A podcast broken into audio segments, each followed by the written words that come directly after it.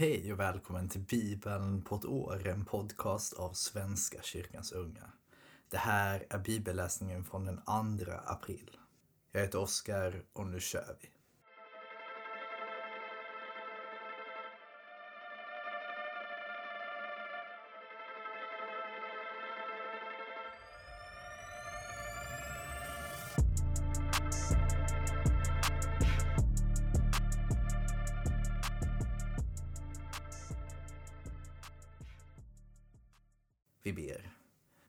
Denna dag. Tack för att du är med oss och tack för att du älskar oss. Tack för att du har dött för oss. Och tack för att du uppstod för oss. Tack för att du banar vägen till himlen. Tack för att du rev förlåten och öppnade vägen in i det allra heligaste. Var med oss i dagens läsning. I Jesu namn. Amen. Vi börjar i femte Mosebok kapitel 21, vers 1 till kapitel 22, vers 30. Om man ser en människa ligga ihjälslagen på marken i det land som Herren din Gud vill ge dig att ta i besittning, och man inte vet vem gärningsmannen är, ska dina äldsta och dina domare gå ut och fastställa avståndet från den döde till städerna i närheten. De äldste i den stad som ligger närmast ska ta en kviga som inte har nyttjats till arbete, en som inte har gått under ok. Och de äldste i staden ska föra kvigan ner i en ravin där bäcken aldrig torkar ut och ingen plöjer eller sår. Och nere i ravinen ska de bryta nacken av kvigan. Sedan ska prästerna träda fram, Levis söner, ty Herren din Gud har valt dem att tjäna honom och välsigna i Herrens namn. Och de har att fälla utslaget i alla tvistemål och brottsmål. Alla de äldste i den närmaste staden ska tvätta sina händer över kvigan som man bröt nacken av i ravinen, och de ska försäkra våra händer har inte utgjutit detta blod och våra ögon har ingenting sett. Herre, ge försoning åt ditt folk Israel som du har befriat. Låt ingen skuld för oskyldigt blod belasta ditt folk Israel. Så får de försoning för blodskulden. Du ska utplåna skulden för oskyldigt blod.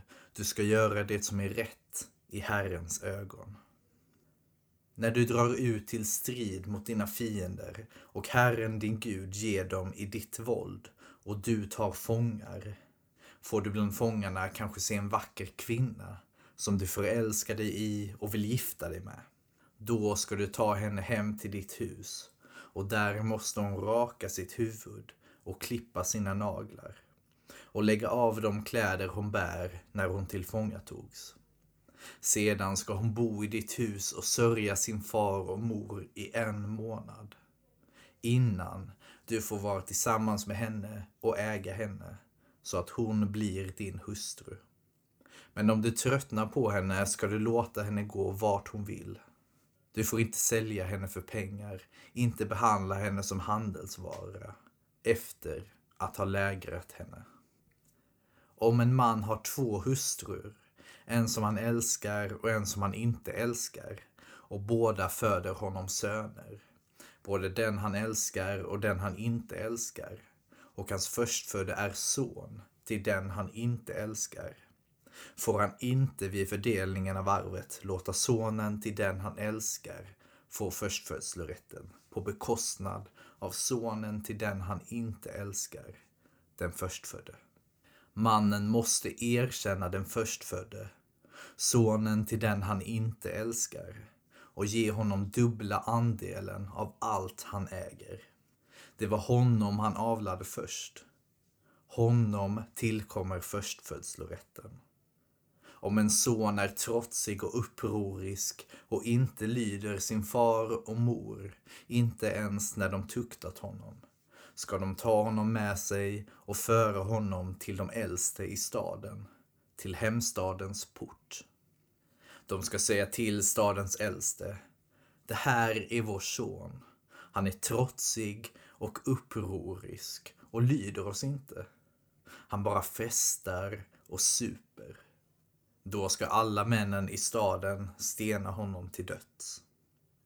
Du ska utrota det onda ur folket. Hela Israels folk ska känna fruktan när de får höra talas om detta. Om någon döms till Polen för ett brott och avrättas och du hänger upp honom på en påle får hans lik inte hänga kvar på pålen över natten. Du måste begrava honom samma dag, ty den som hängs upp är förbannad av Gud. Och du får inte besudla det land som Herren din Gud vill göra till din egendom. Om du ser din broders oxe eller får som har sprungit bort ska du inte vända ryggen till utan föra djuret tillbaka till din broder. Om han inte bor i närheten eller om du inte vet vem ägaren är ska du ta hem djuret och ha det hos dig tills din broder kommer och frågar efter det och då ska du lämna tillbaka det till honom. Likadant ska du göra med hans åsna, med hans kläder och med allt annat som din broder har förlorat och som du finner. Du får inte vända ryggen till. Om du ser att din broders åsna eller oxe har fallit omkull på vägen ska du inte vända ryggen till utan hjälpa honom att få upp djuret igen. En kvinna får inte bära mansdräkt och en man får inte ta på sig kvinnokläder.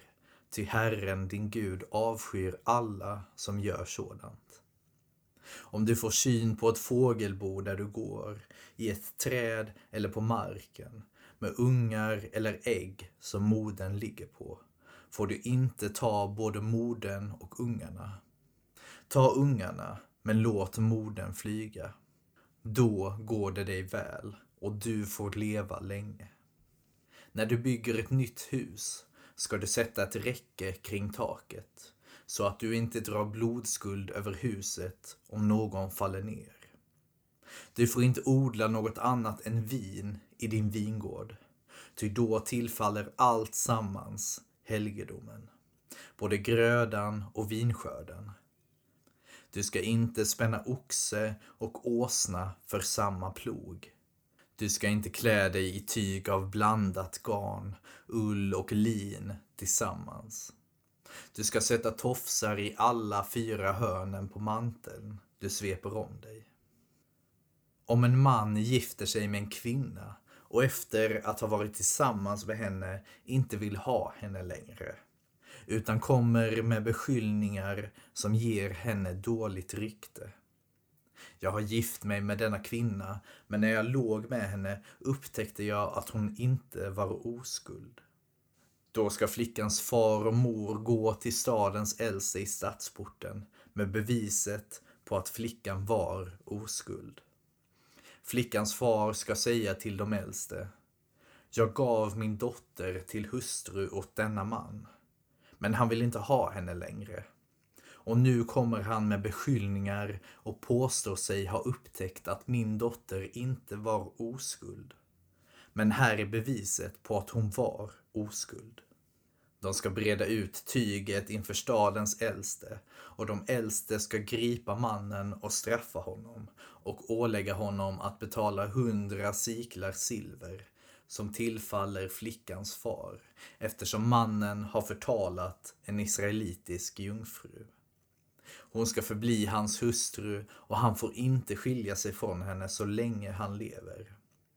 Men om anklagelsen är riktig och det inte finns något bevis på att flickan var oskuld ska flickan hämtas ut från sin fars hus och utanför dörren ska männen i staden stena henne till döds eftersom hon genom att hora i sin fars hus har gjort vad som är en vettlöshet i Israel. Du ska utrota det onda ur folket. Om en man ertappas då han ligger med en annan mans hustru ska båda dö, både mannen som låg med kvinnan och kvinnan själv. Du ska utrota det onda ur Israel. Om en oröd flicka är trolovad med en man och en annan man träffar henne i staden och ligger med henne där, ska ni föra ut båda till stadsporten och stena dem till döds. Flickan därför att hon inte ropade på hjälp inne i staden.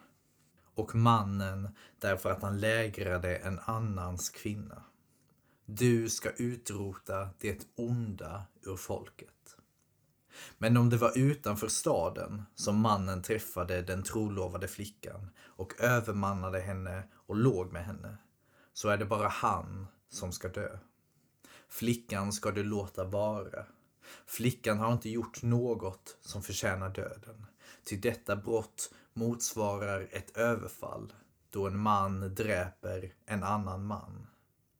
Det var ju utanför staden han träffade den trolovade flickan och hon kan ha ropat på hjälp utan att någon kom och räddade henne.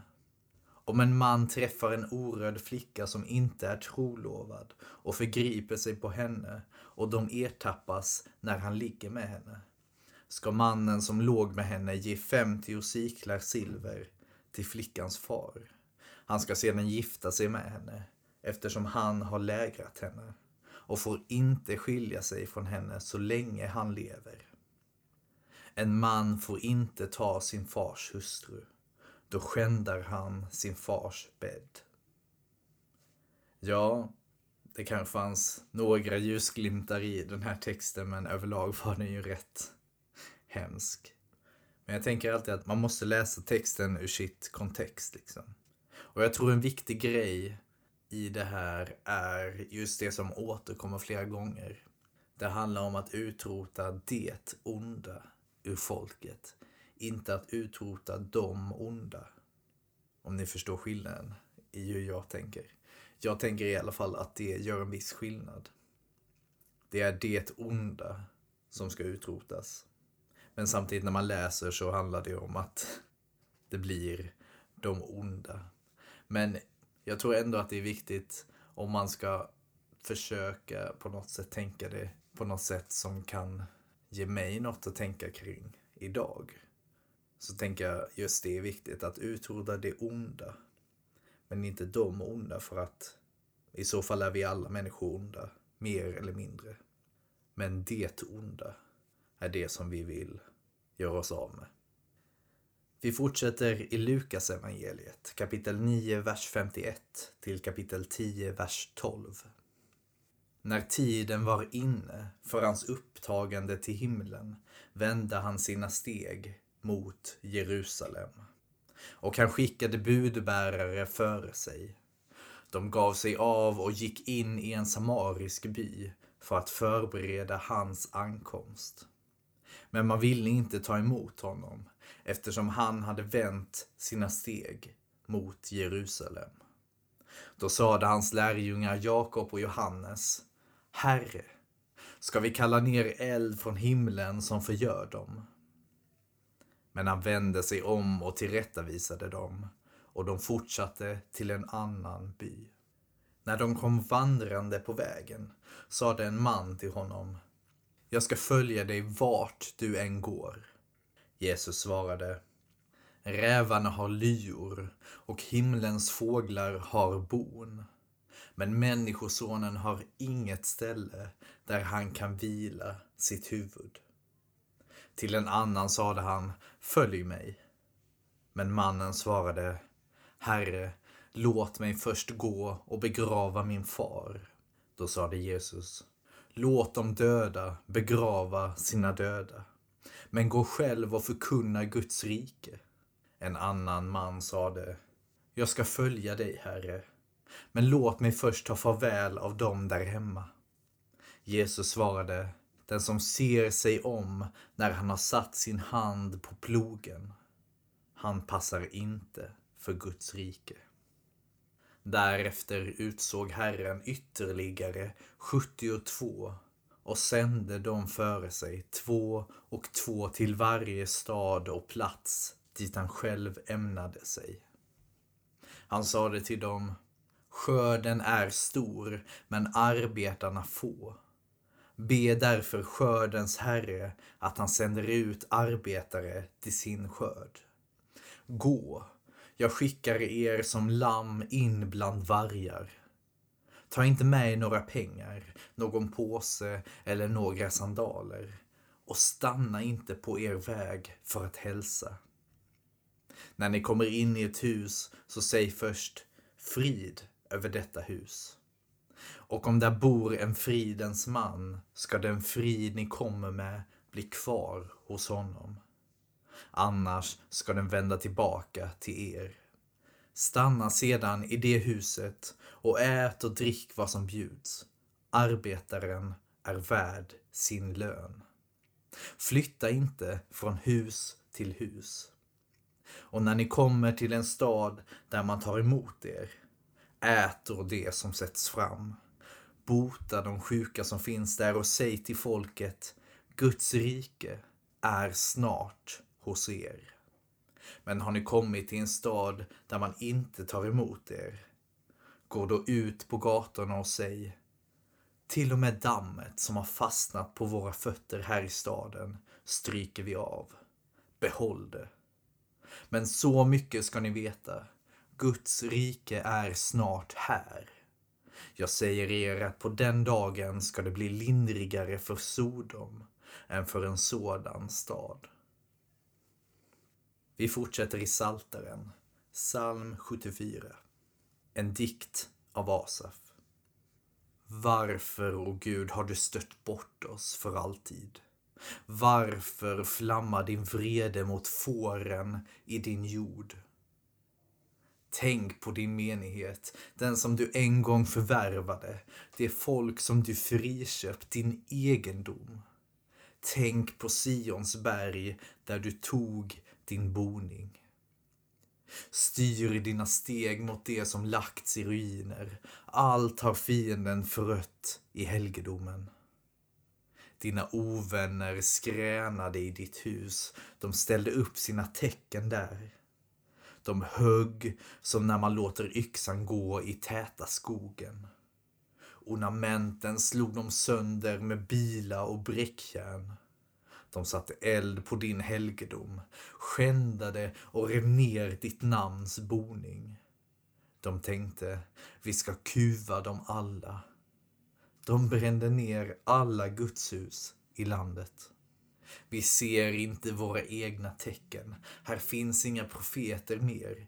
Ingen av oss vet hur länge det varar. Hur länge, o Gud, ska fienden få smäda? Får han förakta ditt namn för alltid? Varför håller du tillbaka din högra hand? Varför gömmer du den i manteln? Gud, min konung från urtiden, du som vinner segrar på jorden. Du delade havet med din makt. Du klöv drakarnas huvuden på vattnet. Du krossade Leviatans huvuden och gav honom som föda åt öknens djur. Du lät källor och bäckar springa fram. Du fick vattenrika floder att sina. Din är dagen och din är natten. Du satte månen och solen i deras banor. Du stakade ut alla gränser på jorden. Sommar och vinter är ditt verk. Herre, tänk på hur fienden smädar och hur ett folk av dårar föraktar ditt namn. Lämna inte åt vilddjuren den som prisar dig. Glöm inte dina hjälplösa för alltid. Kom ihåg ditt förbund. Landets mörka hörn är våldets boningar. Låt inte de hjälplösa gå besvikna bort. Låt de förtryckta och fattiga prisa ditt namn. Grip in, o Gud, hävda din rätt. Tänk på hur du ständigt smädas av dårar. Glöm inte ropen från dina fiender, dina ovänners lamm som ständigt hörs. Och vi avslutar i Ordspråksboken kapitel 12, vers 11. Den som odlar sin jord får äta sig mätt. Den som jagar efter tomhet är en dåre. Det var allt för idag kära vänner. Tack för idag. Vi hörs imorgon igen. Ha det fint tills dess. Hej då.